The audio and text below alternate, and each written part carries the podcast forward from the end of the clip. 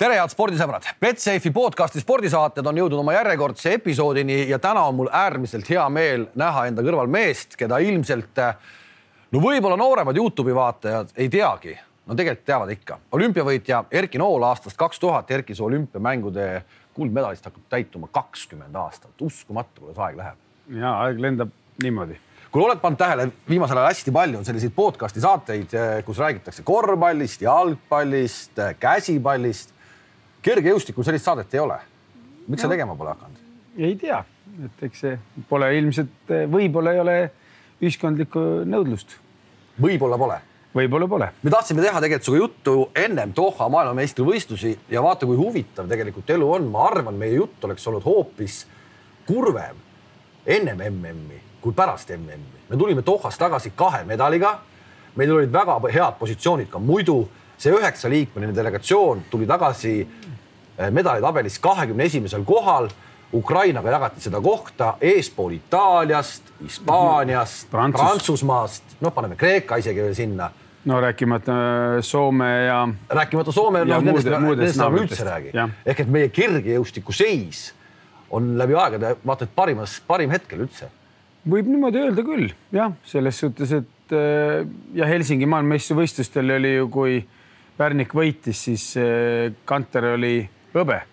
nii et äh, need, see on eel, eelnev meie ajalooline kõige nagu suurem nagu või kõige edukam maailmameistrivõistlustelt, aga praegu jah, me vaatame, vaatame ka Janek Õiglane oli kuues ja et meil olid väga-väga äh, head maailmameistrivõistlust.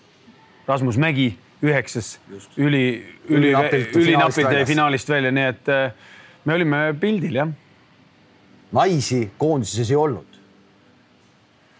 no tegelikult enne maailmameistrivõistlusi hakkasime just hiljuti arutama, et eh, kui me vaatame Eesti kergejõustiku meeste medalisaake läbi ajaloo, hakkame tuhat üheksasada viiskümmend või isegi veelgi varem pihta, mm, esimestest olümpiamängudest pihta, siis eh, mehed on kogu aeg edukad olnud.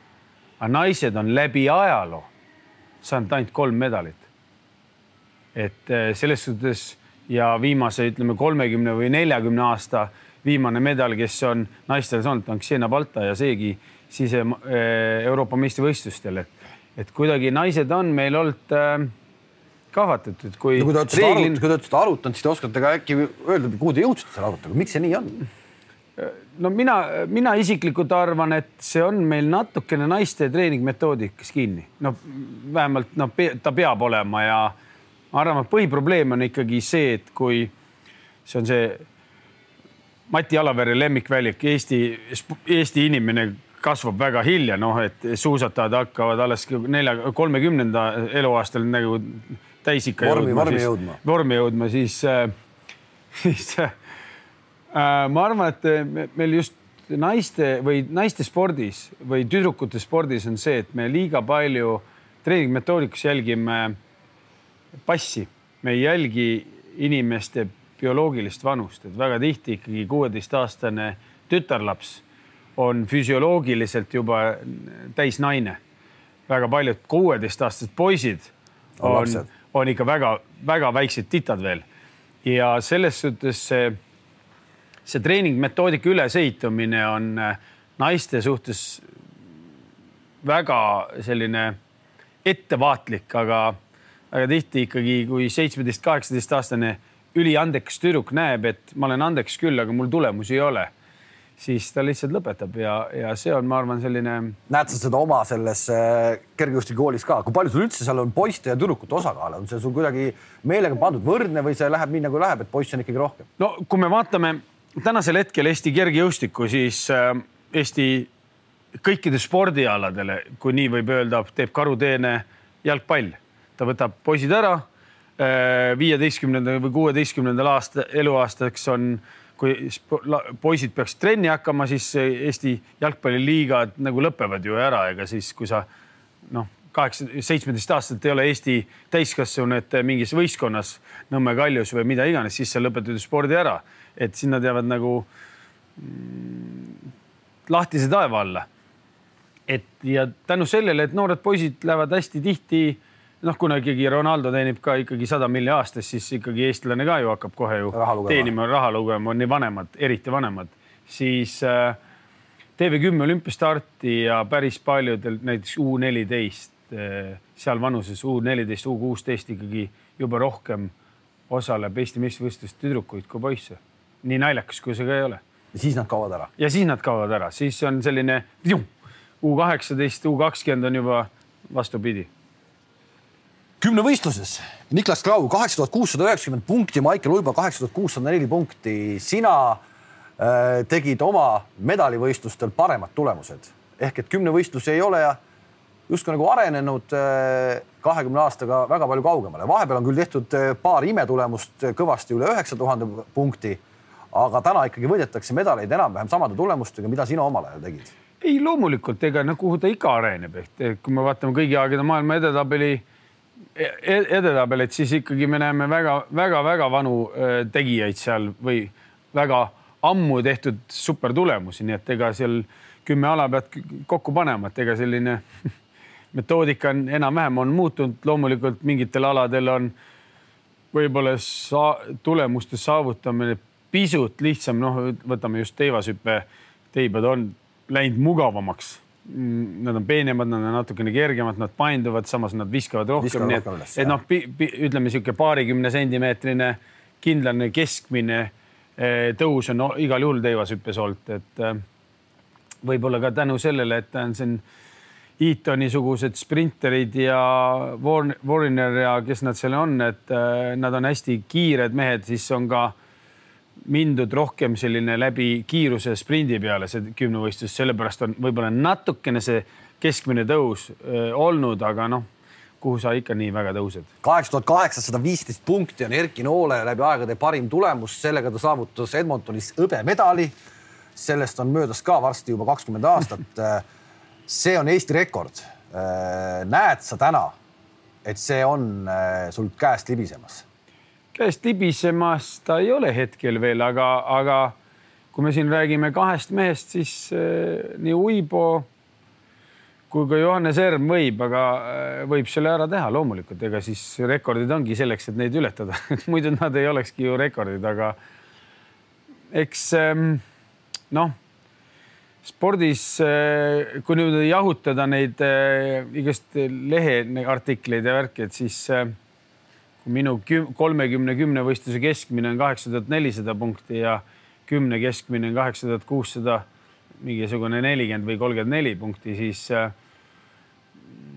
spordis on vaja natukene stabiilsust ka, et ega päris nii ei ole, et sa teed kaheksa tuhat nelisada ja siis järgmine kord teed kaheksa tuhat kuussada ja siis teed kohe kaheksa tuhat kaheksasada ja siis teed üheksa tuhat ükssada, et et mõnikord need väga head tulemused, noh, näiteks ka ma olen kahel korral ühele Eesti Päevalehe ajakirjanikule äh, öelnud, et vaadake, et, et ERM hakkab siis tegema väga super tulemusi, kui ta paar korda paneb kokku oma kümnevõistluse Eh, niimoodi, et tal need tema absoluutsed trumpalad, kaugushüpe, noh, ütleme seal nelisada, mingid alad lähevad totaalselt eh, tuksi ja ta teeb ikka, ütleme isikliku rekordi või, teised, või isikliku. teised alad nii-öelda. teised alad on nagu, peab, jah, teised alad kompenseerivad seda, noh, näiteks kaugushüppe ebaõnnestumise ära, et noh, seal Rootsis Kävles ta hüppas ka seitse, üheksa, seitse, üheksakümmend seitse, et, et äh, nagu hüppab seitse kolmkümmend.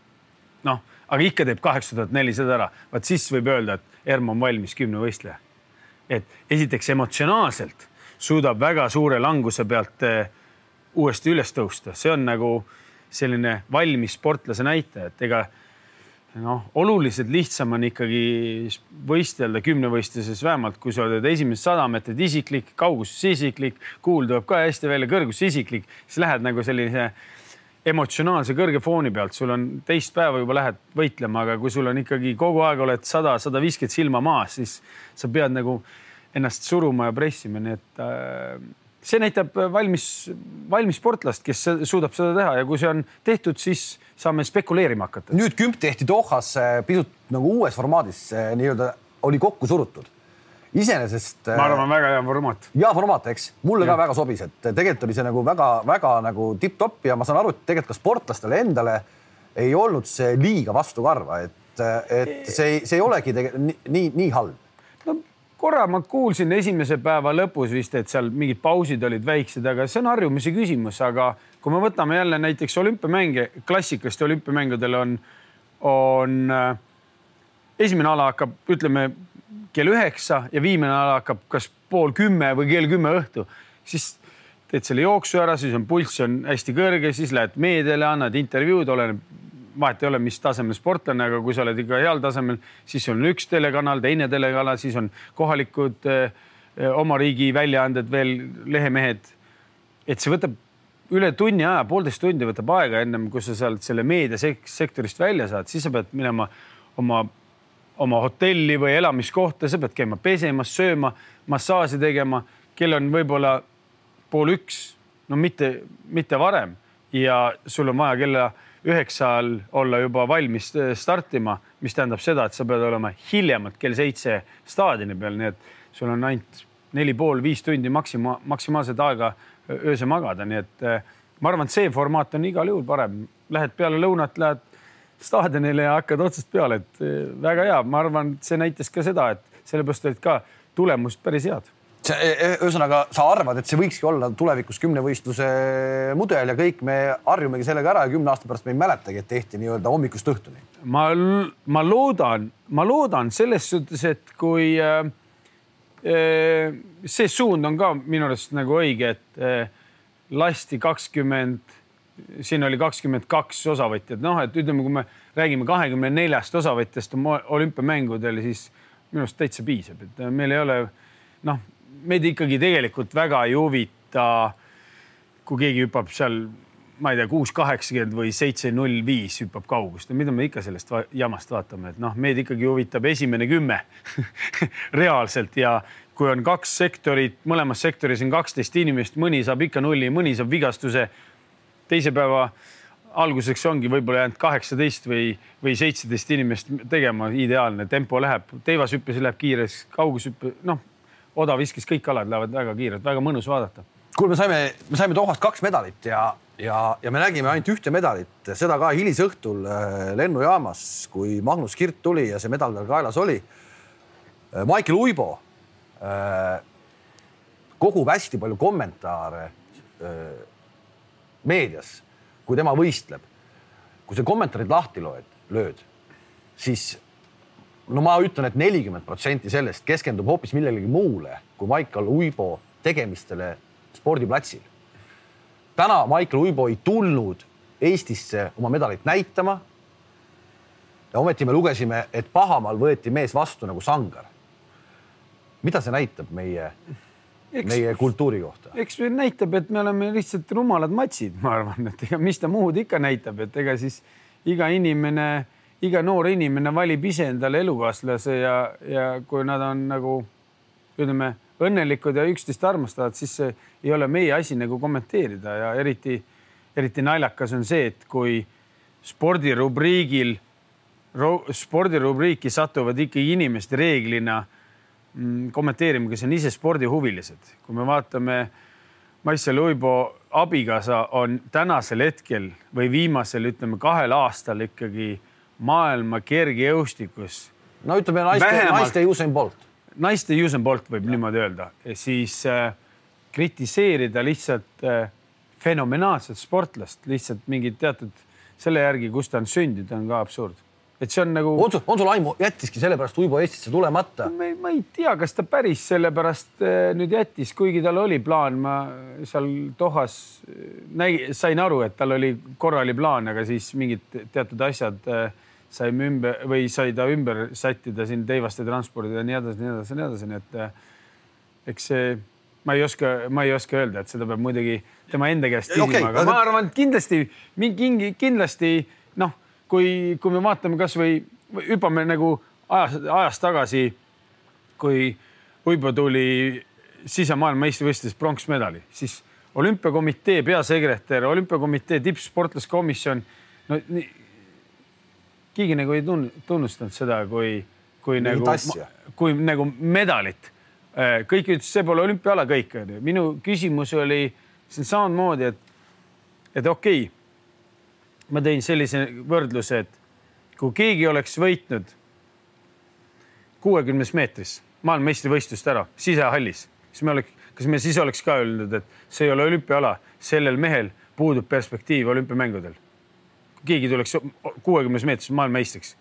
Või näiteks Eesti ujuja ujuks maailmameistrivõistlustel kahekümne viie meetris basseinis sajas meetris maailmarekordi, siis ütleme, et pole olümpiaala, pole mingi perspektiivne sportlane. Ja seda me käime, aga sportlane tunnetab seda.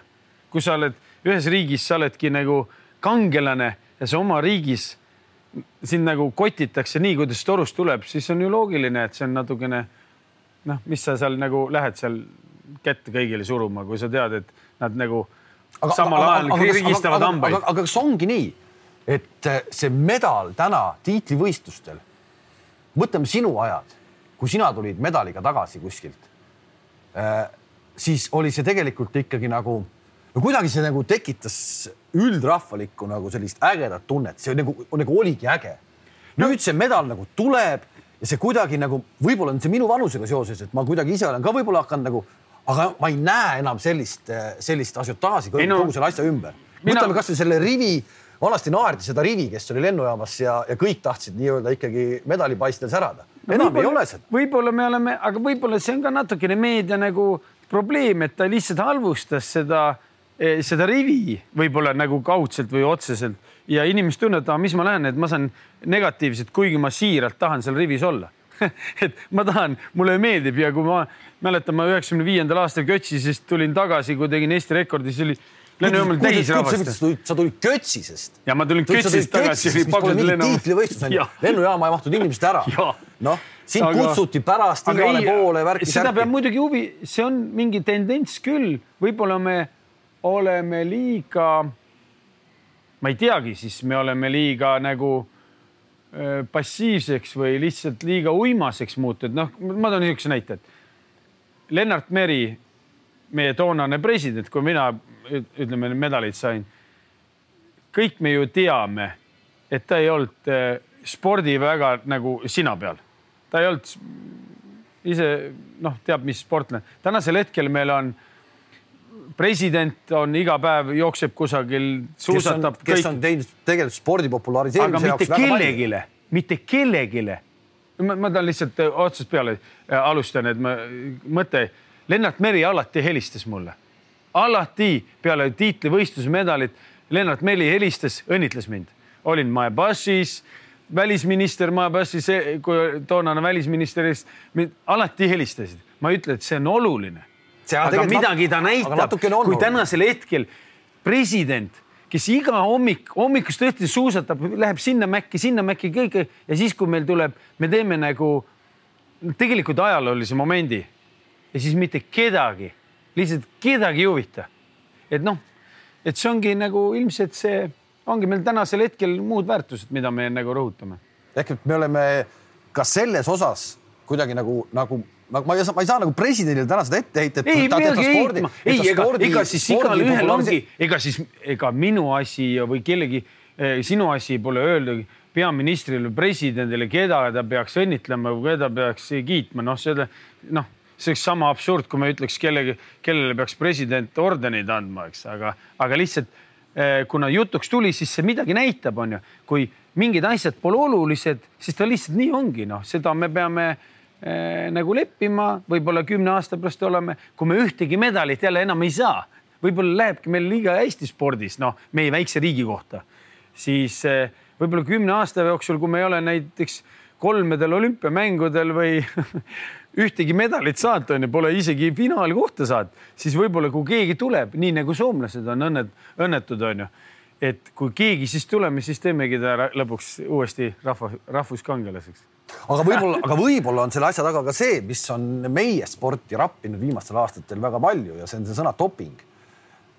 võib-olla, võib-olla on asi selle taga, et see, et see medal täna enam ei tekita sellist eufooriat, kuna neid pessimiste selle on ja, ja õigu, õigustatud. kõik kindlasti on, kindlasti see mingil määral mõjutab, et lihtsalt noh, siin on ka võib-olla me oleme ise ka ütleme, spordiringkonnad oleme ise selle karuteene teinud, et selles suhtes, et et kui me need esimesed nagu väga negatiivsed momendid tul, tulid, siis me ikkagi algul väga sellist lasime kummi libisema, et noh, et ikkagi äkki ka nii ei ole ja. kas ainult ja, algul?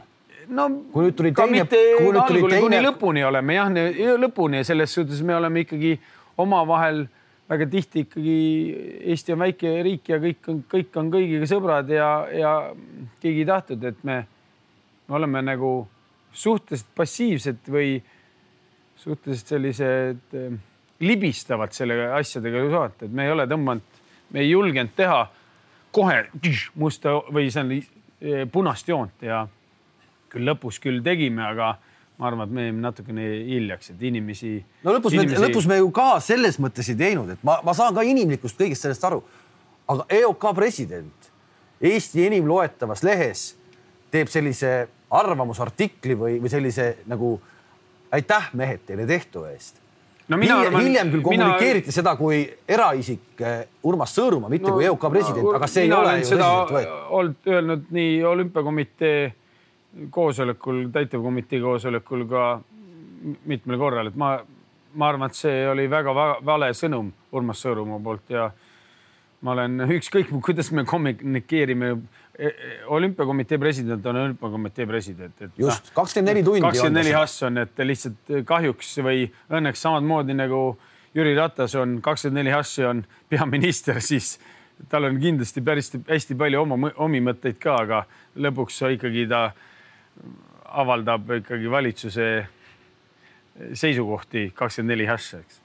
ja mis sa arvad praegu selle jutu peale, mis me siin rääkinud oleme kui palju Delfi kommentaatorid juba klõbistavad. kuule, Nool, sul oli ka doktor Jontšev. kes see sihuke oli? tänapäeva võtmes, kes sihuke mees üldse on? isegi üks. loete selliseid asju vahel? Eesti Ekspressi mingi ajakirjanik lahmis seal äh, raadios, ma helistasin talle, et äh, noh, ühesõnaga inimesed unustavad natukene ära, et doktor Jontšev oli ortopeed põhiliselt või ta ongi ortopeed. ja miks peaks üks äh, arst kaotama oma erakliiniku, riskides ühe Eesti junniga, kes ei too talle ühtegi senti raha, küll tuntust, küll, patsiente, jah, seda küll, aga, aga mitte finants, nagu otsest finantsilist kasu ei ole nii, et äh, Erki Nool käib seal kliinikus ja toob mitu miljonit sisse, eks. et ma arvan, et sellist nagu enesetappelikku äh, tegutsevat äh, erialast arsti ei ole maailmas olemas, kes teeks selliseid lollusi, et läheks nagu nii libedale teele. sa oled täna EOK-s tippspordikomisjoni liige, liige, jah? kuidas me peame siis äh, selle meie dopingu kammajaale lõpuks äh, joone alla tõmbama, see täna ju jätkuvalt elab mingit elu veel, et me kõik saame aru, mis, mis see seis tegelikult on, aga see ta ei no, ole. tegelikult ta on selles suhtes mõnes mõttes ta on nagu hästi mugavalt läinud iseseisu, ise, ise voolu, et äh, pole jalg, suusatamist, pole probleemi. ja meil ei olegi suusatamist täna no,? meil ju tänasel hetkel on üks nagu põhisuusataja, siis on äh, mingi hunnik on umbes seitse noort, kes üritavad maailmakarika etappidel peale saada, et ega nagu rohkem ei ole, et sellest kõrg äh, tippaegadest on vähe, vähe, väga, väga vähe järgi, et, noh, põhimõtteliselt ega Kristiina Smiguniga kadus naiste suusatamine ära ja, ja nüüd. Eh, nüüd on meeste, nüüd on meeste omadega on sama, samad lööd, aga ma arvan, et ega me natukene oleme eh, ülekohtused või liiga palju nagu keskendume selle suusatamise nagu dopingu peale. ja ma arvan, et nagu põhiprobleem Eesti suusatamise treenerite see on minu isiklik subjektiivne arvamus. aga ma arvan, et äh, ma ka väga palju ei eksi, et me nagu keskendume seda, me võime rääkida küll, et norrakad on pähed ja kõik norrakad on see. aga kui me võtame, võtame kaks tuhat kaks maailma meistrivõistluste, mida iganes, maailmakarika etapi kõikide suusadistantside või ütleme, viieteist kilomeetri läbimise. ja kui me võtame tänasel hetkel, siis see vahe on ju meeletu või ütleme. Vasper, Vasper sõitis suure, oma viisteist kilomeetrit. suurem, suurem kui kümnevõistluses. nelikümmend sekku-, nelikümmend minutit sõitis Toomas Vasberg fenomenaalne mees, nüüd sõidavad kümme kilti kahekümne kahe minutiga, kahekümne ühe minutiga, et lihtsalt see treeningmetoodika, kui tänasel hetkel eh, noored Eesti suusatajad ei tee intensiivset tööd, siis tal ei ole võimalik kahe, kahe minutiga ühte kilomeetrit sõita.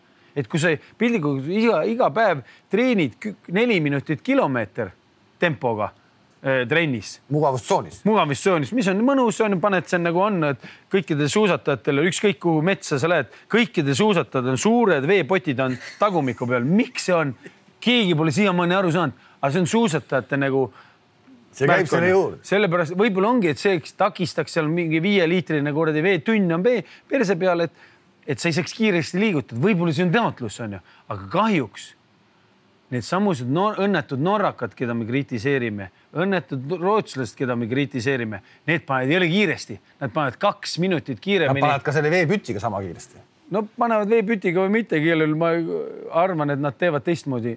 Ma arvan, et. aga see on tegelikult, aga tegelikult see on ju sama, see on kogu meie Eesti, Eesti noort, Eesti no, spordiviga üldse, meil ei ole, ükskõik mis ala me võtame, tegelikult meil ei ole ju sellist eh, kvalifitseeritud eh, professionaalset Äh, lähenemist äh, ja, ja treeningmetoodikaid ja, ja meil ei, meil, meil, meil need tipud meist tulevad mingil aladel tulevad, no kuidagi ikka tulevad, aga, aga et oleks kuskil mingi selline väga süstemaatiline töö mingi asja nimel, meil seda tegelikult pole.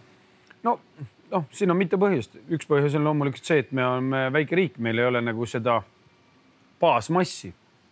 ega me nüüd see nädal lõpp oli meil ka äh, teivashüppe seminar kus äh, maailmameistritreener, äh, venelanna maailmameistrist treener käis meile äh, koolita-, meid koolitamas, siis treenibki ühe õpilasega. noh, tal on omal tütar ja mõned veel, aga piltlikult on ta üks õpilane, kes on maailmameister ja mitu aastat olnud maailma absoluut, absoluutses tipus. nii et äh, Moskva linna peal üks nagu üks tipp, eks noh. aga see, et nüüd Michael Uibo on põhimõtteliselt äh, ütleme, et kas Uibo oleks tulnud täna, me ei saa seda kuidagi teada, kui ta poleks läinud USA-sse?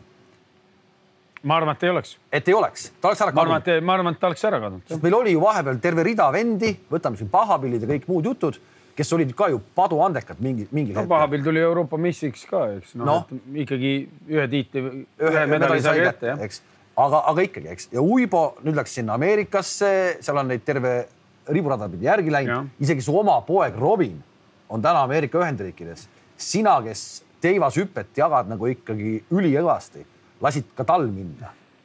no aga me, kui me võtame niisugust asja, et noh, võtame, võtame lihtsa näite. meil on, äh, meeldib see meile või mitte, kümnevõistlus meil on ikkagi läbi ajaloo päris heal tasemel Audentes on üheksakümne kaheksandast aastast erakätes. viimati me ostsime teivashüppe matid Audentesse. Audentes ei olnud pannud kunagi väljas teivashüppe matte, kuna ei ole teist matti. kümnevõistlused ei tee väljas trenni. täitsa absurd on seda kuulda, seda, seda absurd kuulda. Audentes ei ole ostnud viimase kümne või kahekümne aasta peale ühtegi teivast nagu see spordi, mis kuramuse ettevalmist, aga lähed Ameerikasse, sul on vaja kümmet teivast, ostetakse, sul on vaja uued matid, ostetakse. Audentes matid on siuksed, selline võib hüpata kaks viiskümmend, kaks kuuskümmend, kaks kaheksakümmend, aga mitte viis kuuskümmend, viis kaheksakümmend. sa pead trenni tegema, tänapäeval on hoopis teistsugused matid, suuremad teibad on teistsuguse iseloomuga, kõik asjad on ju, aga meil ei ole, meil peaks olema, kui me räägime mingist järelkasvust, siis me peaks olema niimoodi, et teivashüpped on nurgas, neli meet-, neljameetrised sellise fleksiga, neli kaheksakümmend sellise fleksiga, neli nelikümmend sellise fleksiga, et treener saaks tegeleda, kui laps, laps jääb nagu ütleme, saab tugevamaks või ta oskust on niimoodi, et täna see teivas, mis oli, millega ta ei saanud, jeeli-jeeli sai hakkama, homme on juba see pehme, aga me ostame ühe teiba ja siis ootame Ameerikast, kui tuleb kahe kuu pärast tuleb nagu see üks teivast veel, hüppad kaks trenni, jälle pehme. me peaks olema kakskümmend, viiskümmend teivast. absurd.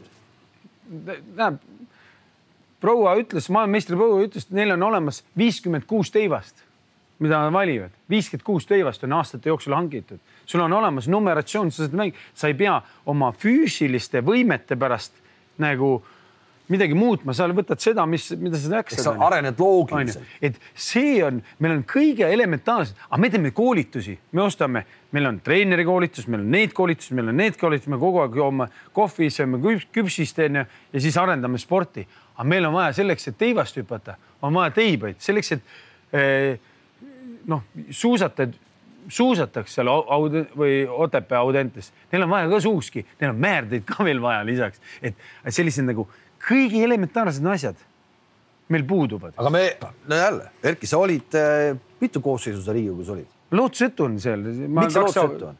kedagi ei huvita. Eestis ei huvita ju inimesi, et meil läheks midagi paremaks. minul on, kui minul ja sinul on hea, siis meil on hästi ju, siis me möliseme ja lähme laiali, eks No, no. tegelikult see on, vaata, me ei pane, me ei pane ju eesmärke ei riigi taks, spordi tasemel, kus me peame olema? noh, meil ei ole seda. kus me peame olema, kus me oleme kümne aasta pärast, mis tasemel peame, ma ei ütlegi see, et Audentes peaks ostma täna või homme või ülehomme kohe teibed, aga me peaks teadma, kus kohas me oleme kümne aasta pärast, kaks tuhat kolmkümmend. Noh, et milline varustusbaas oleme ja mis alast me üldse tahame, me ei julge isegi ju ühtegi otsust teha, onju. noh, et meil ei ole ju tegelikult ka füüsilist sellist ressurssi, et me nagu suudame teha kõiki alasid, noh. kui mitmele alaliidule täna EOK raha annab? no ikka. ma olen kuulnud mingit numbrit, kuuskümmend neli erinevat spordiala saab no,. natukene tirtsutame siia-siia, sinna. kõik no. saavad midagi, lõpuks keegi mitte midagi ei saa. aga me läheme ju iga aastaga järjest rohkem, me noh, meil on ju ka. siis me loeme kokku mingisugused medalid, mida me saame aasta lõpus sada kaheksakümmend, mis tegelikult mm. mitte kedagi ei koti. muidugi ei koti, aga, aga noh, kuna me oleme sihuke demokraatlik riik, nii et eh, noh, demokraatias ju sellepärast demokraatia toimigi, et me saame mingi uue seaduse või selle vastu võtta ainult siis, kui kõik, kõigile see, kõik saavad midagi, aga tähendab, keegi ei saa mitte midagi. noh, ja see ongi see, see probleem, et äh, olümpiakomitees ju, kuigi ma ütleme, ma ei tahaks nagu väga tuhka pähe raputada, me oleme saanud nagu tippsportlaskomisjonis ikkagi väga palju nagu või oluliselt konkreetsemaks, me toetame noori mingil tasemel ja nüüd ka mm, Tokyo olümpiamänge silmas pidades me oleme ka hakanud võtma neid nagu reaalseid medalikandidaate ja me käime suhtleme. see on see Team Estonia projektiga seoses midagi või? ma millegipärast ei ole selle Team Estonia see nagu nime nii, nii suur fänn, ma ei näe, et see on nagu meie spordi nagu päästeingel, seepärast ma ei näe nagu, see on minu isiklik probleem muidugi.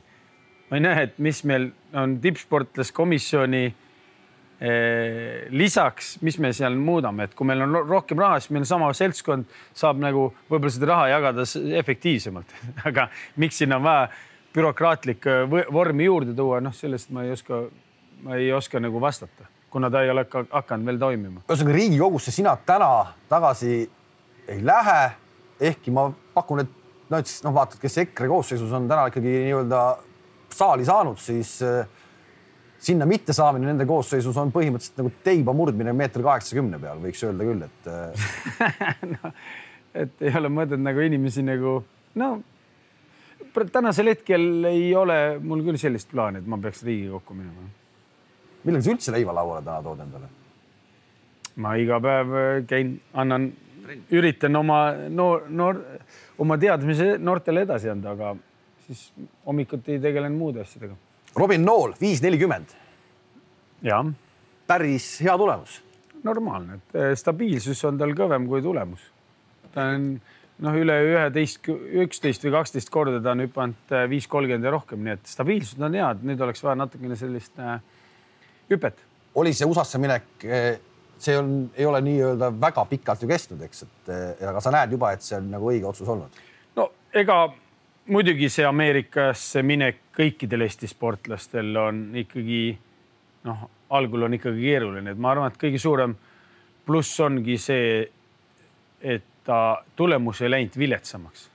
et ta ei teinud mingit meeletut hüpet, aga ta ei teinud ka läinud viletsamaks, nii et see on juba eh, päris hea näitaja, kuna ikkagi Ameerikas peavad sportlased väga pingutama, õppimine peab olema korras ja sa pead trenni tegema. loomulikult on seal mõningad naljakad eh, momendid ka juures, et sul, sa ei tohi nagu väga iseseisvalt mõelda, et treener, peatreener teeb plaani ja seda tuleb jälgida, et kas see plaan on õige, vale, see ei huvita kedagi. demokraatiat ei ole. seal on, selles suhtes on äh, demokraatia küll, et mina ütlen, kuidas teil võimalik teha. aga te oma peaga ei hakka midagi siin mõtlema, et mina olen boss ja boss otsustab. aga siis see boss ka vastutab? Boss ka vastutab jah, ja põhimõtteliselt ongi nii, et ka kui ikkagi suurtes või noh, kui ülikoolid ei ole sportlikus mõttes edukad, siis nad ikkagi, need bossid saavad ka kinga väga tihti, nii et iga hooaja lõpuks nad või iga aasta lõpuks nad võivad ka kinga saada. loomulikult ähm, on suurtel ülikoolidel nii võimsad rahalised ressursid ja võimalused leida hästi palju üle maailma eh, andekaid sportlasi, kes toovad neid, teevad häid tulemusi ja, ja saavad omale ülikoolile need punktid kätte, mida ülikool vaja on, nii et noh, kui me võtame siin Eesti riigieelarve üksteist miljardit, siis ei ole mõnedel ülikoolidel on Ameerikas sama suured eelarved nagu Eesti riigieelarve. sama suured? saame suured eelarved, nii et kui me vaatame näiteks seesamune Georgia Tech, kus või Georgia, kus on meie Eesti kümnevõistlejad, siis selle ülikooli spordieelarve on sama suur kui Tartu Ülikooli eelarve kokku kõik koos oma investeeringute ja asjadega, nii et noh, see ongi see. Nagu... tegemist ei ole Ameerikas mingi maailma. ja et see ei ole üldse suur ülikool, nii et see, et nemad, nemad oma natukene üle miljardilise eelarvega ei ole mingisugune suured tegijad. ehk taas me räägime teemal, et kõik, kes vähegi saavad, noorsportlased, minge Eestist minema. no põhimõtteliselt küll, kui me vaatame siin seda, et eh, kui sa tuled maailmameistrivõistlustel äh, sisemaailmameistrivõistlused kergejõustikus saad medali ja seal sind noh, ütleme, üritatakse ikkagi vesi peale sulle tõmmata, siis mina soovitaks küll, et kellel võimalus on, laske jalga. proovige nelja aasta jooksul selline tulemus ära teha, et saate jalad alla ja, ja kui ei saa, siis on lihtsalt spordikarjäär läbi. tahad sa nagu, tahad sa nagu, et, et Robinist tuleks ka äh, selline kuue meetri mees, näed sa? no miks ma ei tahaks, iga inimene tahab, ikka iga inimene tahab. kas ta ise on nagu, nagu? ma arvan, et ta on mentaalselt valmis äh, tippsporti tegema, jah. on jah? ma arvan küll, jah. Ta on ju ka lugenud Delfi kommentaare, kus äh, ei ole kõik nii hästi. ega vot tänapäeval sportlane peabki hakkama saama mitmete asjadega, et ega siis äh, äh, igal ajastul on võib-olla erinev tüüp lööb läbi, et sellepärast ma arvan, et ei olegi korrektne võrrelda tegelikult Erki Noole tulemust siin võib-olla Maicel Uibo tulemusega, et me oleme erineva ajastu mehed, et, et eh, mingid asjad olid minul oluliselt keerulisemad, mingid asjad on tänapäeval oluliselt nagu lihtsamad, nii et eh, noh, selles suhtes Robin, tänapäeval mõttes... sportlased peavad hakkama saama sotsiaalmeediaga näiteks noh, võtame ka mäletan, ma olen vormis käinud aastaid. Vitali Petrov, Sergei Pupka endine treener, kes veab selle teivashüppe, IAF-i teivashüppe keskust, siis tema ei saa nagu üldse nagu aru noortest sportlastest. mobiiltelefonid kõigil trenni ajal on käes ja vaatavad ja värgid, saadavad sõnumid, siis lähevad hüppavad teivast, et noh uus ajastu, poisid või ei, noored. ei no kui tulemused on okei okay,, siis. ja, ja vaata siis..., aga selles suhtes ongi see nii harjumatu, et, et lihtsalt tänasel hetkel noored suudavad eh, niimoodi välja lülitada, vaata, saadad sõnumi ära, lülitad välja, järgmine olla. et noh, meie jaoks on natukene see arusaamatu, aga, aga sa oled niimoodi kasvanud, sa oled niimoodi arenenud, nii et eh, me peame hakkama saama. ja tegelikult on küll, noolega kokku leppida mingeid asju on keeruline, eriti kui sa tahad seda Messengeris teha, siis ta näeb, et ta, loeb selle küll läbi, aga ta nagu ei vasta, ta ütleb, et ta ta ei suuda seal vastata, et peab helistama, mis mulle ka tegelikult sobib, et mulle, võta, võta toru ja helista. ma olen, kui keegi tahab kätte teha, helistage, lepime kokku. Nii on. kas kokku saame? kuule, eh, Robinil on eh, uskumatu, et Eestis on Erik Haameri-sugune mees ka veel, on ka viis nelikümmend pannud, vist on, on või? jah, Erik Haamer on ka väga, meil on praegu vaata, mis seis. meil on väga hea, et Uibo viis nelikümmend, Haamer viis nelikümmend, Robin Nool viis nelikümmend, nii et äh, päris selline uskumatu seis, kui see arvestada seda, et see viis nelikümmend on kõigi aegade kolmas, neljas, neljas ja, ja viies tulemus jah ja.. ehk Ukreev on rohkem pandud ja sina oled rohkem ja. Ramon Lindal oli ju kaheksakümnendate aastate keskel hüppas kolmkümmend kuus, mis oli ütleme sisuliselt siiamaani oli kõigi aegade kolmas tulemus nüüd on meil kolm meest, kaks on neist väga noored, okei okay,, üks on kümpimees, sealt väga palju juurde ei tule, aga Haamer, ma saan aru, keskendubki nüüd teivashüppele ikkagi. ja, ja, ja Robin ka. ja, ja kahekesi koos minnakse. nii et ma arvan, et varsti kindlasti lähi, lähitulevikus ei ole viis nelikümmend kindlasti Eesti kõigi aegade kolmas tulemus. viis kuuskümmend hetkeseisuga kõigi aegade teine tulemus. teine tulemus, ma arvan, et ei ole ka kaugel need ajad, kui see tulemus üle lüüakse miks sa tahad, et su, et su, et su poisist tuleb tippsportlane, kui sa, me oleme rääkinud praegu seda siin seisu, et seda kedagi, kedagi jutuksid nagu- koti nagu, ja nii edasi. no aga inimene ikkagi teeb, noh, sa ei tee ju sporti kellegi teise jaoks, sa teed ikkagi sporti iseendast. sa võid öelda, et Robin teeb, sest talle ma tõesti arvan, meeldib, et sa nagu ikkagi ei ole teda noorest põlvest peksnud, et davai, anna nüüd minna. ei, sport peab, sport peab olema äh, nagu sisemine soov peab olema. tippsport on äh,, ta on ikkagi raske sa pead pingutama, ta ei ole lihtne. nii et äh, ja noh, ma ei kujuta, ma ei kujuta üldse ette seda, et mina oleks teinud sporti nagu kellegi teise jaoks või ma ei tea, Eesti üldsuse jaoks, Eesti inimeste, ma ikkagi, ma tahtsin ise võita, mulle meeldis võita Seberled, mulle võitis, meeldis, meeldis võita Dvorsakit ja mida iganes. kõik muu, mis tuli, oli boonus. see on lihtsalt, see oli nagu noh see on nagu jah, täitsa boonus, see on kõrval, kõrvalprodukt on ju, noh, sellepärast ma mäletan, ma väga palju Eesti ajakirjanikega vaidlesin seda, üheksakümnendate aastate alguses oli ju või keskel oli ju, ega spordiuudis oli ju, tenniseuudis ei olnud see mitte, keda võitis, kas Becker võitis Samplast või Samper võitis Agassit või see ei olnud üldse oluline. oluline see, et Agassi võitis nelisada tuhat eh, suuruse turniiri või miljon eurot või dollarit maksva turniiri, et spordiuudised millegipärast mingi moment keskendus, ma kogu aeg vaidlesin, et Agassit ei huvita, mitu eurot ta võidab või dollarit võidab, teda huvitab see, et ta võidab Sampras ära või Beckeri ära. see on nagu spordi olemus, see, et sinna pangaarvele tuleb raha, see on fine, see on väga tore. aga tippsportlane ikkagi võidab ainult mängib ikkagi võidu peale, et selles ma olen täitsa sada protsenti veendunud. Ja aga ikkagi see läheb nii, Robini puhul noh, loodame, et läheb ja mul tõesti oleks super hea meel, kui, kui sealt tuleks selline kuue meetri mees, aga temast noorem mees või enam-vähem sama mees. Duplantis on äh, täna kuus juba pandud, kuus null viis. see on ikka täiesti uskumatu. ongi fenomen, fenomenaalne vend. ongi fenomenaalne mees, et noh, kui me siin oleme tipptreeneritega, teivashüppetreeneritega rääkinud, siis noh, jälle erand, aga no,. tal ei olnud ka valikut nagu,, isa ja ema aga, ja kõik jutud. Agassi nagu Agassi isa ehitas hoovi eh, tenniseväljaku, siis eh, Dublantis oli hoovis eh, teivashüppeplats ja iga päev hüppas teivast. noh, seitsmendast eluaastast saadik on poiss hüpanud paindega teivast, noh kaheksandal või ma ei tea, kaheksa-aastaselt vist juba murdis esimese teiba, nii et, et mees, kui me võtamegi, ta on hüpanud teistest a la miljon hüpet rohkem ongi stabiilne. arvad, et see on, et no, see number on nii suur? no ma arvan, et umbes see number on, et noh, kui sa võtad eh, seitsmendast eluaastast iga viis korda nädalas ja niimoodi kakskümmend, kolmkümmend hüpet päevas, siis ta ikka tuleb, ikka tuleb neid hüppeid päris palju, nii et äh, tal on eelis no,. sümpaatne vana, vaata, kus ta ei ole nagu nagu vaimselt ära kustunud, kui sa ikkagi teed, nagu sa ütled, miljon hüpet, siis no mis hetkel see nagu. ongi, aga naudingu. kui sa võtad Duplantisi õed-vennad teised ei hakanud teivast hüppama, et ega. üks vist mängib üks vist täna vist on pesapallis. pesapall ja, ja suhteliselt heal tasemel, aga,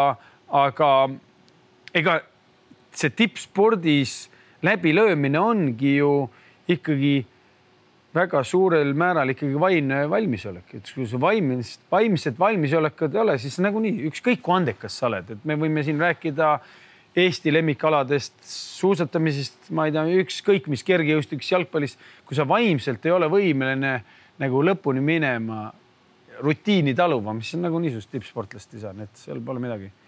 tuleme, tuleme korra Doha juurde tagasi veel. Äh, äh, see Doha mm ei toonud meile ühtegi äh, dopingupatust. ei toonud vist, siiamaani pole toonud. ma arvan, et ei ole jah. ennem, ennem äh, MM-i käis kõva jutt geenlast, Keenia ümber, käis äh, sprinteri ümber. Kristjan Koleman on selle Kolemani, nimi, jooksis Dohas üheksa seitsekümmend kuus, tuli maailmameistriks. aga, aga rohkem nagu polegi midagi. noh, jumal tänatud ei ole, et me saame keskenduda sporditulemustele, me räägime nagu headest, Doha headest sportlikest tulemustest. aga on see siis, äh, on see siis nii? USA võitis äh, kuldmedaleid, ainuüksi kuldmedaleid kaks, kaks tükki rohkem kui äh, medalitabelis teiseks tulnud Keenia medaleid kokku. Nojah, aga kui me tuleme siia jutu algusse, noh, ma ei tea, kui palju tavaline spordihuviline jälgib Ameerika, Ameerika üliõpilas iganädalast meistri nagu tulem-, võistluste tulemusi, siis see on gigantne ongi, tegelikult ongi. ja sealt noppida välja kolm tükki, kes kõigile ära teevad, noh, ei ole mingi ime, et ameeriklased, ameeriklastel on ikkagi, on, mis on, mis on, aga see olümp-, ülikooli spordisüsteem ikkagi annab super äh, tulemust, et noh, seal on lollusi ja rumalusi ka, aga kuna mass, finantsilised võimekus ja kõik see struktuur on nii võimas, siis sealt tulemused tulevad. loomulikult. täna, täna on, ma arvan, Hiina ei ole eh, finantsvõimekuselt absoluutselt kindlasti mitte kehv. ja, aga neil ei ole süsteemi, et ega see spordi tegemine ikkagi ikkagi nõuab mingit määrat süsteemi, et Eesti korvpallis ka, et ikkagi noh, kui me hakkaks mingit, ma ei tea, kui me hakkaks tänasel hetkel Eestis kriketit arendama või räkpit, ikka päris keeruline oleks, isegi kui me oleks. nullist tõmmata. no nullist tõmmata, et meil ei ole seda, kuigi võib-olla meil oleks isegi raha olemas, et ma ei tea, mitmed miljonid, et räkpi täiskasvanute võistkonda viia kuskile Six Nationile või mida iganes, no süsteemi ei ole. aga süsteem venelastel oli. venelastel ei näe teist, me ei näe teist tänasel... MM-i Venemaa lippu ei näe. Kuidagi see tundub juba, et me, okei okay,, et me ei näegi ma seda. ma just rääkisin nüüd nädalavahetusel ja venelased on väga õnnetud selle üle, et neil sportlast ja kui olümpiakomitee ju Venemaa olümpiakomitee oli nagu kergejõustik oli nende lemmiklaps, sellepärast nad viisid ikkagi sada kümme inimest viisid olümpiamängudele eh, võistkonnana, siis kõik tiimid ja kõik official'id ja kõik edasi, edasi. sa olid suur ja sa olid pildi no. peal, siis tänasel hetkel Dohas oli seitse kergejõustiklast MM-il, et see on neile. ei, no nad ei olnud oma lipu all. Nad ei ole oma lipu all ja see on neil väga nagu äh,, nende jaoks on noh, vene, venelaste jaoks on väga psühholoogiliselt väga keeruline, ega nad ei ole üldse õnnelik, et nad ei saa oma lipu all võistelda. ja see, ja see lagundab see... nende sporti jubedalt, väga kõvasti lagundab, et see ei ole ainult see, et, et et äh, mingisugune tippsportlane, noh nüüd tippude tipud ikkagi pääsevad, aga millegipärast ei pääse järgmine ešelon sinna. ja see, see teeb neile, kogu kergejõustikul teeb tegelikult see karuteene, sellepärast et noored ei pääse ka ju võistlema. noh, aga kui kaheksateistaastased või ütleme, juuniori taseme sportlased saa tiitlivõistlustel medaleid, kaob huvi ära, lõpetavad ära lähevad mingi kuu, noh, tüdrukud lähevad, ma ei tea. aga on sul, sa niikuinii suhtled just venelastega ju tegelikult ikkagi, me suhtleme kõiki nendega, noh. ja muidugi. eks, et, et, et, et näed sa nüüd siis, et, et sellest on tehtud mingid järeldused, mingid, mingid õppused no,, õppetunnid võetud? Russada siin nõnda me nüüd vada, siis nüüd on neid natukene, ma sain aru, nagu sportlaste kontrollimisel on veel rohkem üle võlli mindud, et nüüd nad tahavad nagu hästi klassikalised näidata nagu, et me teeme ikkagi noh, me teeme kõik selleks, eks. Nad oma süsteemi pole muutnud eriti nagu ütleme neid eh, tipppersoone või juhtkonda.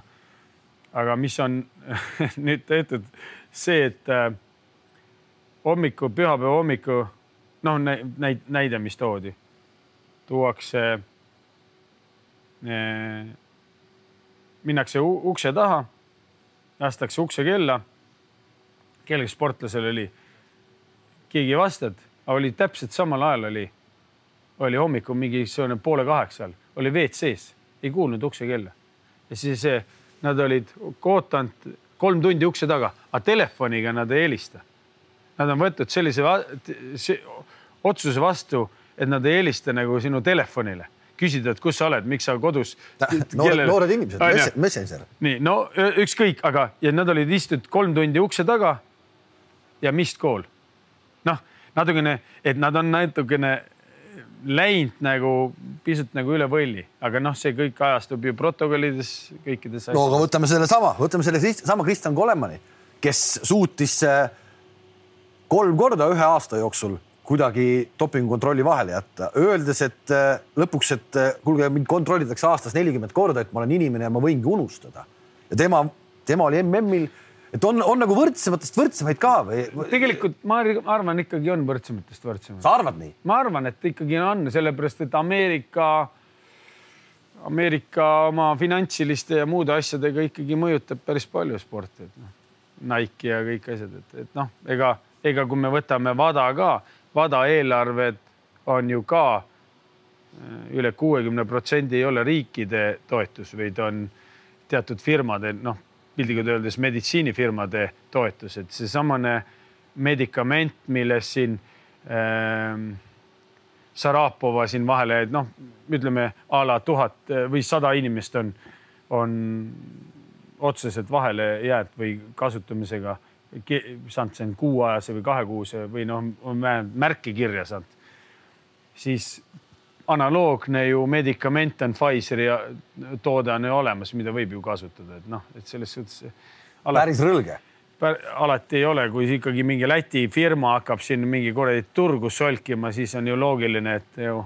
aga Läti firmad on äh, teinud päris häid medikamente. no on küll, aga noh, kui ta ikkagi takistab mingisugune suure Ameerika korporatsiooni null koma ühe protsendilist nagu käivet, siis ikkagi on ju kuri karjas. sa ütledki täna selle välja, et see tegelikult võibki nii olla? võib nii olla, ta ei pruugi olla, aga lihtsalt selles suhtes, et äh, kui mingid medikamendid on keelatud, aga analoogse, analoogse äh, noh, ütleme toimega medikament on lubatud, siis see ju noh, siis sportlased kõik küsivad, aga miks see nii on? mina ei oska vastata neile, aga miks see nii on, lihtsalt keegi peaks oskama vastata sellistele küsimustele. aga me ei ole küll kuulnud. noh, ma mäletan, ma kahe tuhande viiendal aastal olime Moskvas. Euroopa Olümpiakomitee organiseeris dopingualase seminari, seal oli ja tipp, tippsportlaskomisjonid ja erinevate riikide sportlased olid seal kohal. see oli ka WADA esindaja. ja seal oli teemaks tolle hetke, tol hetkel oli väga aktuaalne geenidoping, siis oli noh, tundus, et geenidoping on kohe kümne aasta pärast kõik kasutavad no, geenidopingut. see oli niimoodi kõik onju. ja siis muidugi Vadal oli hirmus kiht hakata, nüüd me hakkame nagu keegi geenidopingut äh, kontrollima. noh, siis äh, siis ma küsisin, et aga vaadake, et väidetavalt ütlete, et see geenidopingu testimine on umbes neli kuni viis korda kallim kui tavaline anaboolsete ainete kontrollimine, noh, kui me räägime tavaline doping, võistlusväline doping keskeltläbi maksab nelisada eurot. kui siin Coleman on nelikümmend proovi teinud aasta jooksul, siis noh, korrutame nelikümmend korda nelisada, päris suur summa on ju, pluss no, transpordikulu, pluss kõik, aga keegi ju teenib seda, keegi ju teenib. ja siis ma küsisin Vasa eh, bossi käest, et kuulge, kui te tahate hakata ja te teete aastas üle neljakümne tuhande testi tänasel hetkel või tol hetkel, siis äh, te olete küll viimane organisatsioon maailmas, kes tahaks, et sport oleks dopinguvaba, seepärast et käive on ju miljardid. keegi juhib miljardilise käibega korporatsiooni. see on, no kuulge, sina ega mina küll ei taha ära kaotada oma miljardilist käivet äh, reise, eralennukeid sinna, minna sinna business klassis, sõita Austraaliasse sportlaste proove võtma, see on noh, elustiil. dopinguvabaks me tippsporti ei saagi.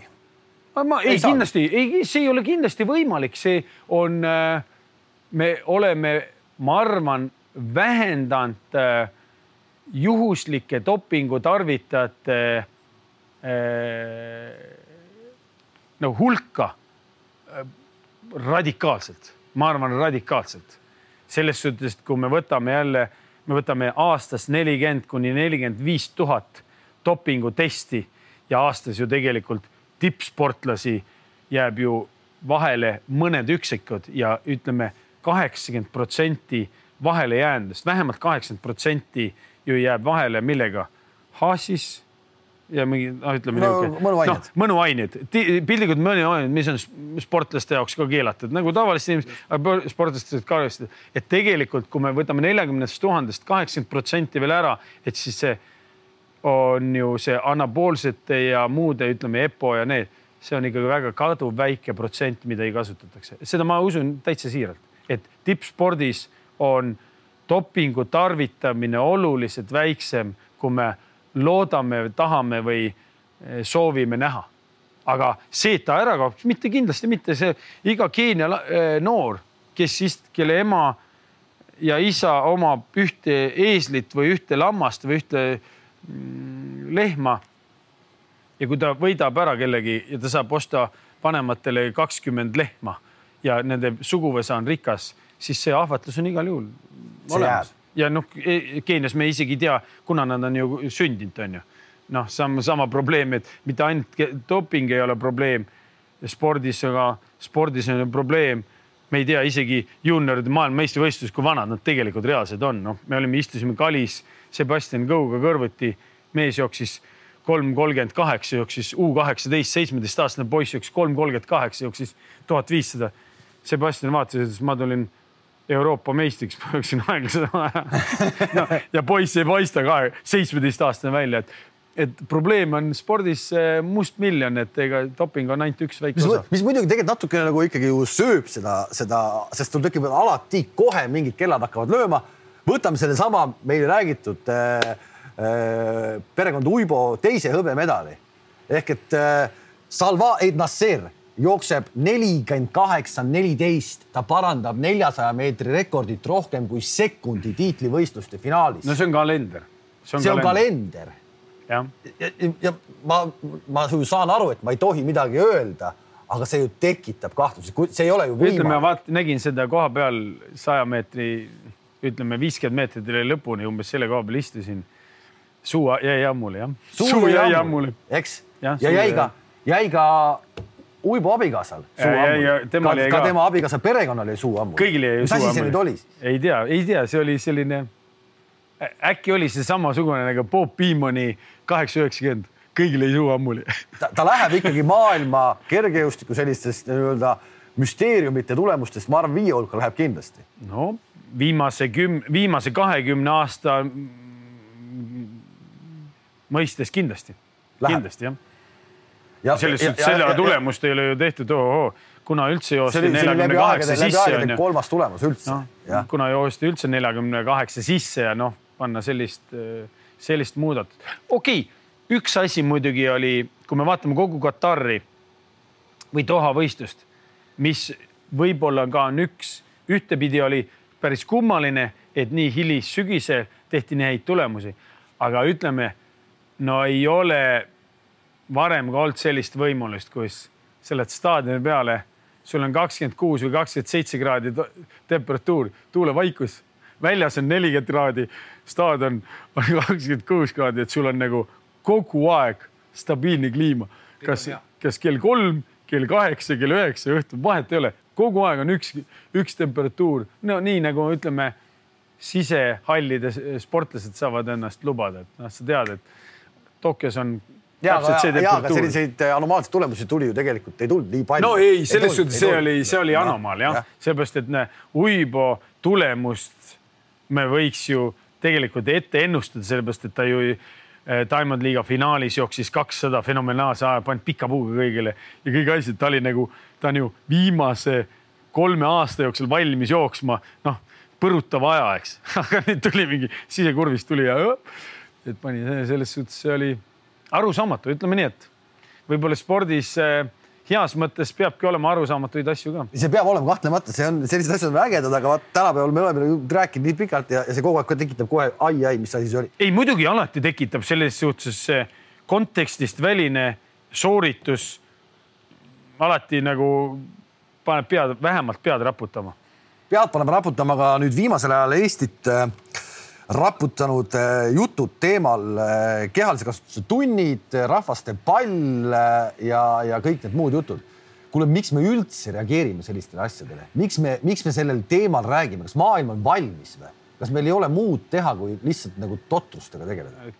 tundub küll, et noh, ma ei, tegelikult ka ei, noh, me oleme ju enamus inimesed, kes ju nagu seda on arutanud, kõigil on ju mõistus peaks olema peas ja kõik me oleme, kõik me, kes me ju ütleme, kas kirjutame, paneme kirja selle teksti või prindime ära, noh, laseme avaldada, kõik me oleme ju olnud koolis ja, ja pidanud pingutama, et noh, ma kusagil kommenteerisin, aga mul oli ka vilets joosta onju. kõigil meil on, ma pidin ka laulma, mul ei olnud, me olime Tallinna spordiinternetkoolis puberteediealised poisid, mulle hääle, mul oli häälemurre iga hommik, kui laulmine oli kell kaheksa, siis pidime Tairi, Tairi, Tiitit, Tiitit laulma, eks. no ei olnud mugav, no ei olnud et, et selles suhtes noh, et. Ma, ma võin öelda, ma võin ka oma kogemust öelda, et ka mul oli Kopli koolist Õismäe kooli minnes spordiklassiga esimene laulmistund ja ma ei saanudki aru, mida ma tegema pean, sest et seal oli nii kõva lauluõpetaja ja ma konkreetselt klassi ees kõik naersid ja ma pidin noodist midagi laulma, mida ma üldse Sa ei osanud. samasmoodi. ja ma pidin pingutama, et kolm saada laulma. samamoodi, kui keegi on üliandekas matemaatikas, samas ei saa võib-olla kirjandusele üldse pihta ja kirjandi mõni tüdruk, kes või poiss, kes laseb luuletusi ja kirjandeid, kirjutab nagu hommikust õhtuni ja ei saa matemaatika, füüsika üldse pihta, aga samas võib-olla väga andeks ka spordis, nii et, et ma ei saa nagu sellest nagu, sellest nagu vägisi hullusest aru, et miks me tahame kogu aeg äh, seda, et meil, meie lapsed nagu pingutaks vähem, vaatamata sellele, et rahvaarv kogu aeg tõuseb ja, ja tegelikult meil maailma kontekstis ja me oleme ju tänasel hetkel avatud maailm, et maailma kontekstis ikkagi see konkurents läheb järjest tihedamaks, ega me siin jahume siin igast spordist värgid, et miks nii ja miks nii. aga lõppkokkuvõttes me oleme Eesti riigina ju väike riik. Ja kui meil see püramiid on hästi väike, siis meil tipp on veel ju madalamal, et, et noh, lihtsalt kui me annamegi võimaluse lastel mitte pingutada, see ei ole üldse vahet, on see lõua tõmbamine, rahvaspall või mida iganes, siis eh, me lihtsalt oleme jube suured kaotajad, võib-olla on see hea minu lastele või kellelgi teisele lastele, kes on õpetanud oma lapsi pingutama selles, sest nende luuserite sees, kes on harjunud pingutama, nende elu on nagu miska. võib-olla on see ideaalne, et me propageerime, peakski propageerima need, kes me, need lapsevanemad, kes lasevad oma lastel esimesest septembrist saadik on esimesest klassist, esimesest septembrist on lasknud pingutada, siis nende elu on nagu lill, on nagu lill, sellepärast nad on harjunud. ainuke probleem on muidugi kui see kriitiline laiskvorstide mass on liiga kriitiline, siis nad hakkavad ju ka mõjutama ju Eesti maksusüsteemi, sotsiaalsüsteemi, sellepärast et kui sa pole elu sees pingutanud, aga sa tahad ju sama hästi elada, sa tahad ka ju sipsi süüa, kohvi juua ja chicken nuggetseid süüa, eks noh, et sa tahad ka ju ilma pingutamata sama, sama hüvesid saada, sama, sa tahad samasuguse autoga sõita, see, kes on kakskümmend või kolmkümmend aastat, need aga miks me reageerime, ma ei oska öelda, see on, me oleme, riik on valmis. kõik on, kõik, kõik on, on valmis, kõik on tehtud, me ei pea mitte midagi tegema enam. EOK presidendiks äh, kandideerid? ei kandideeri. kindel? ma arvan küll, jah. ma arvan, et tänasel hetkel Eesti spordiüldsus äh, ei ole valmis või ei soovi Erki Nolt teha Eesti spordijuhina. seega ei ole mõtet küsida, et kui sul oleks vabad käed Eesti spordis midagi teha, et mis sa siis lõpuks teeksid ma ikkagi, ma arvan, et peaks olema ikkagi julgem, julgem, kui tippsporti võtta, julgem valida alasid välja. noh, kui me tahame olla edukad olümpiamängudel, siis me peame seda tegema. Ma arvan, et äh, üks tingimus, äh, mis kasvõi eelmise jutuga haakub, me peame saama. Mitte seda, et me vähem peaks koolides pingutama, me peame jõuliselt saama Eesti haridussüsteemis liikumistunni igapäevaselt, vähemalt põhikooli lõpuni. noh, siis kui inimene on harjunud liikuma seda, seda me peame, see on nagu, ma arvan, olümpiakomitee või Eesti spordiüldsuse nagu väljakutse lähi, lähiaastatel, et selles suhtes ega ikkagi, kui laste kehakaal kasvab, siis nagu noh, ikkagi mida suurema kehamassiga lapsed on, seda vähem nad kõrgust hüppavad ju. noh, see on fakt ju. Et, et see, need on need väljakutsed minu arvates nagu lapsed, lapsed liikuma panna, see, et nagu me noh, kui Inglismaal äh, üle kolmekümne aastaste meeste seas järjest rohkem ja rohkem vabatahtli või selline harrastusspordina te tekib äh, räkbi harrastus, siis meil järjest rohkem tekib sellist kepiga kõndi, noh, et noh, see ongi nagu kaks erinevat ühiskonda, et ühed triatlonid ka, triatlonid ka. no triatlon ka jah, triatlon on ka, aga ma ei, ma ei ole sind näinud stardis veel. ma olen sind, sa ei näe ka mind. sa oled mul rattaga kõrval sõitnud ja, ja, ja nii-öelda ergutanud, aga ma pole sind stardis näinud. Mind sa ei näe ka. kui palju sa täna, kui peaks kümpi tegema, teed sa kunagi üldse üle ühe kümnevõistluse? ei tee. aegade meenutuseks, ei tee? ei, ei taha teha? kunagi ammu me tegime sellist kümnevõistlust, kus äh, pidi tegema, kes teeb miinimumtulemuse. pildiga tean, kümnevõistlus käib niimoodi, et sa ei tohi kasutada stopperid ja sentimeetrit. aga sa pead, ütleme a la meeter neli on kõrgushüppes. jah, vist meeter neli on, mis annab ühe punkti, et sa pead nagu laskma lati panna umbes meeter nelja kõrgusele, siis hüppad üle, mõõdetakse ära, saad tulemuse kirja, kui sa ei saa ühtegi punkti, siis saad pluss kakssada viiskümmend punkti nagu trahviks, et eh, samamoodi nelisada, pead ilma stopperitega jooksma tuhat viissada. sa pead jooksma nii-öelda miinimumpunkti peale. ja miinimumpunkti, et vaat sellist kümnevõistlust ma võin teha, et seal, et ketas vist oli, kuul oli minust neli meetrit ja niimoodi, et seal noh, pead nagu sättima, et kui liiga, liiga vähe lendab, siis ilmselt tuleb üle astuda, aga et noh, sellist kümnevõistlust ma võin teha, aga maksimumsoorituse peale ma naudin äh, Maicel Uibo ja Niklas Krauli võistlemist oluliselt rohkem ja Johannes Ermi võistlemist kui enda tänapäeva sooritust. Aitäh sulle, Erki, meil oli tegelikult väga kiire tund, mis me siin tegime ja, ja, ja tegelikult on ka huvitav rääkida sinuga, sest et sa oled ikkagi täielik spordifanatt ja, ja sa vaatad kõiki alasid. ja mis siis, et sa võib-olla vahel oled natukene käre ka, siis, siis tegelikult oled sa ju fanatt.